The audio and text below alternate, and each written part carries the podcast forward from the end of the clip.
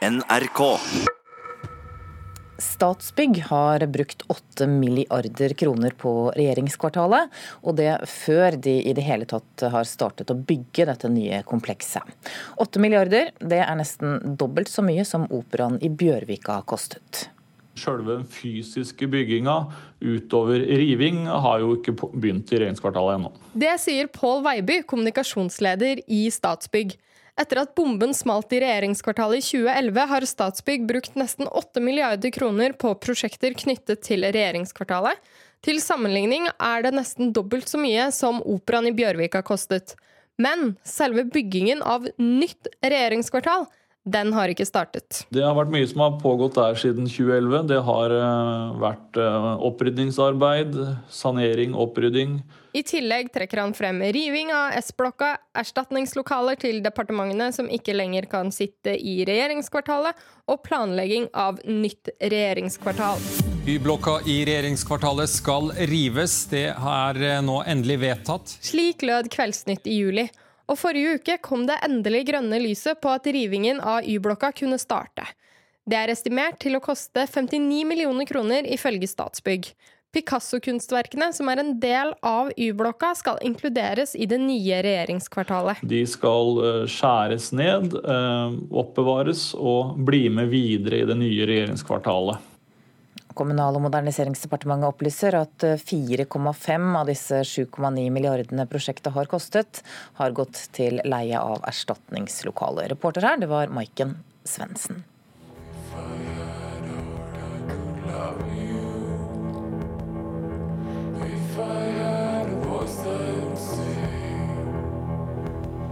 Alle fans av uh TV-serien Vikings vet du hva dette er. Dette er jo selve kjenningsmelodien.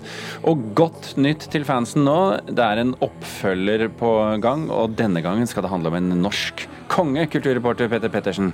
Ja, Vikings-oppfølgeren Vikings Valhalla følger bl.a. den norske kongen Harald Hardråde og vikingen Leif Eiriksson. Oppfølgeren den kommer til å utspille seg 100 år etter handlingene i originalserien, og er basert på, på, på 900-tallet.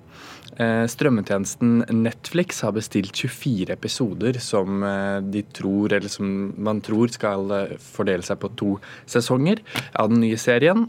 Og, og, og så kommer jo også den sjette og siste sesongen av originalserien på HBO Nordic nå i desember.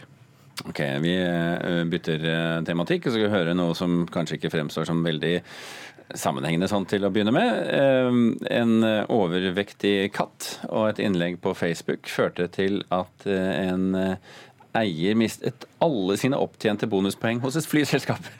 ok. Det hadde vært morsomt å stoppe der, men du skal, få, du skal få forklare. Ja, for da Mikael Galin skulle ut og fly med katten sin, så fikk han beskjed fra flyselskapet om at han måtte sende katten katten eh, med kofferten. Og hvorfor måtte han det? Jo, fordi katten den veide 11 kilo, og det er da for mye. Den var for tjukk for å være med inn i flyet. For det er kun lov med dyr opp til 8 kilo. Eh, og, og, han mente at dette ikke var riktig, altså eieren, så han, han valgte derfor å, å, å jukse litt, og fikk smuglet med seg sin overvektige katt inn på flyet. Ja, Og da kom altså disse konsekvensene? Ja, fordi han delte denne historien på, på sin Facebook eh, senere, og det, den gikk viralt. Og blant annet så har jo da flyselskapet også sett dette, og valgte derfor da å, å fjerne alle hans opptjente bonuspoeng. Ja, er det lov, med andre ord, eller er det bare dårlig eh, reklame? Ja, den er sagt. Ja, det er vel lov, fordi han brøt vel noen regler. er vel riktig, ja, Han har jo lurt de, rett og slett. Ja. Så får vi se om de kommer godt ut av det uansett, da. Ok. Eh, dette var altså eh, med teksten 'Je suis fat cat'. Eh, jeg syns vi måtte ta med det. Jeg er en tjukk katt på, på fransk skal vi høre at eh, bokbåten Epos kan bli lagt ned. Og for alle dere som ikke kjenner Epos, så kan vi fortelle at det er et slags flytende bibliotek som har levert bøker sjøveien i Hordaland siden 1960-tallet. Nå foreslår fylkesrådmannen i Vestfold, at, nei, unnskyld, i Vestland at dette flytende biblioteket legges ned neste år.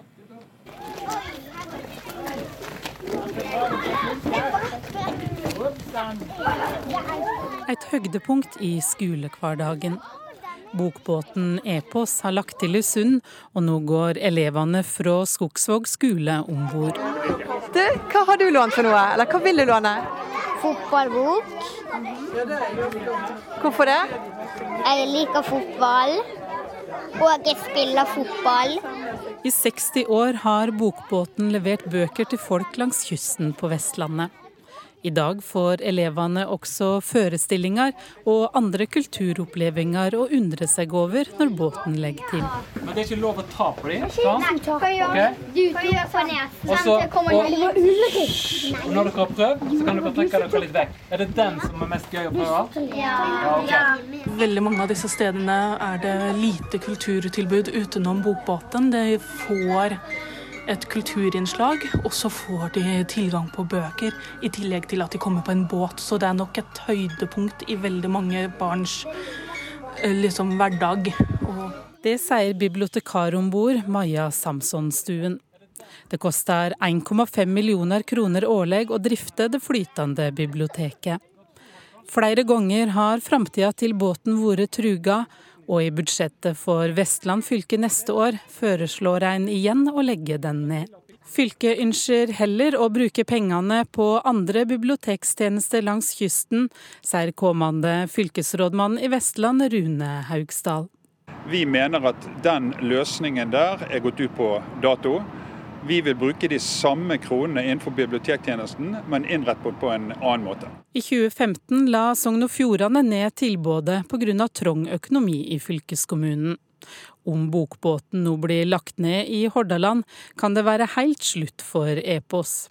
For i Møre og Romsdal gikk også kulturutvalget denne måneden inn for å legge ned bokbåten. Vi mener at vi skal kunne tilby eh, bibliotektjenestene på en god og fremtid, eh, fremtidsrettet måte, men med andre mobile løsninger. Skipper på Epos, Svein Ivar Vinnes, syns det er leit om det er slutt fra neste år av. Nei, det, det er jo trasig, for vi er jo med ut hver dag og, og ser at det fungerer voldsomt godt. Det er god distriktspolitikk. Og han får støtte fra flere av elevene. Fortsette. Fordi vi kan lære oss å lese. Dere kan jo gå på andre bibliotek og gå på nettet. Kanskje dere heller det enn å gå her? Nei, men all, nesten alle liker å være på båter, og derfor kan, kan det være at det er gøy å være her i stedet. Ja, Det sa til slutt elev Kine Louise Gregersen, reporter Bergit Sønstebø Svenseid og Mette Antun. Og nå skal vi ha litt service til alle dere foreldre som har fått eh, fot på å lese adventsbøker. Eh, Det har jo vært tradisjon med adventskalendere på TV, men så har jo denne eh, suksessen til Maja Lunde og Lisa Isato i fjor, 'Snøsøsteren', eh, fått eh, folk til å få hjul på mølla. Nei, hjul på mølla. Vann på mølla. Anne Katrine Straume, har med deg fire nye bøker nå. Kan vi si at de har noe fellestrekk? Ja. Alle har 24 kapitler som kan leses ett og ett hver dag i desember. Alle slutter med julaften. Um, og alle de fire bøkene, altså det fins enda flere enn disse fire som jeg nå har fått tak i, eh, de um, handler om en slags lengsel etter familie. Etter å ha et sted å høre til, å komme hjem. Hjem til jul er jo en klassiker både i musikk og i, i julefortellinger ellers, men her handler det nettopp om lengselen etter en familie. Ta bok nummer én, da. Bok nummer én, det er altså denne.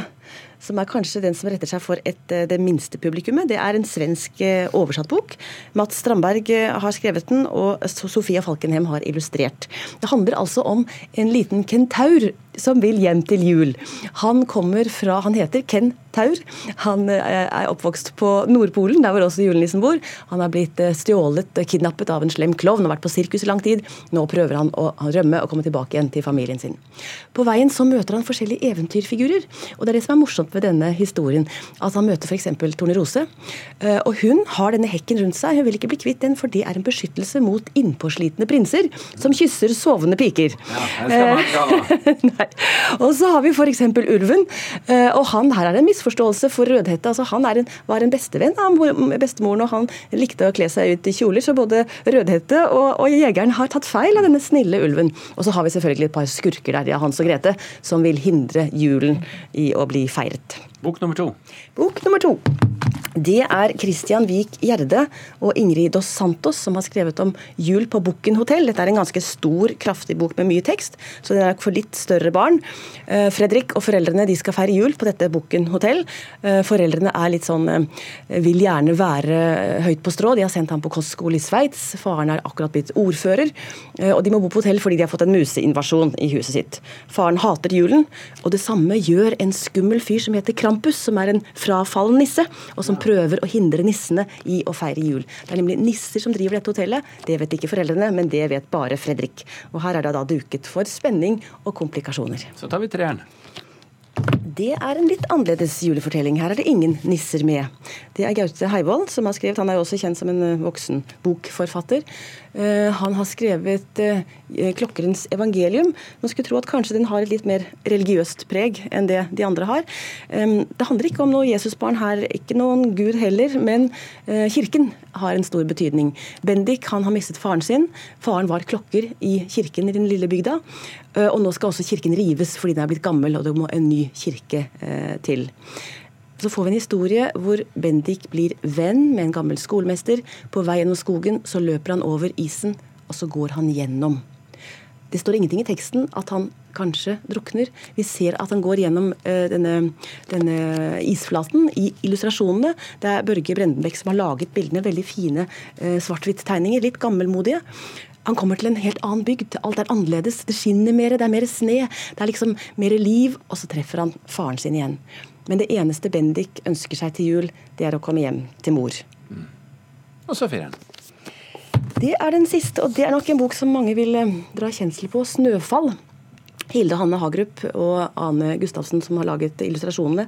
Um, det er jo den samme historien som NRKs TV-serie som gikk for noen år siden, og som vel var det mest sette av alle uh, adventskalendere som NRK har vist. Dette er boken som forteller den samme historien, og den kan fint leses helt utenom om man kjenner uh, historien eller ikke. Det handler om Selma som er foreldreløs, som bor sammen med Ruth. Ruth er en streng dame. Uh, Selma hun skal kanskje få en fosterfamilie, men da kan hun ikke ta med seg hunden sin Kasper, og så rømmer hun. Eh, hun kommer til en helt annen verden som heter Snøfall. Der bor julenissen, og julenissen han er faktisk Selmas bestefar. Og hvordan det går, det må man kanskje finne ut av når man leser, men jeg kan vel avsløre såpass mye som at eh, det handler om her også å finne en familie eh, og finne venner til slutt. Utmerket. Katrine, takk for at du ga oss fire tips til adventsbøker for de som ønsker å lese det enten for sin egen del eller for å lese det for noen andre. Takk for at du var med.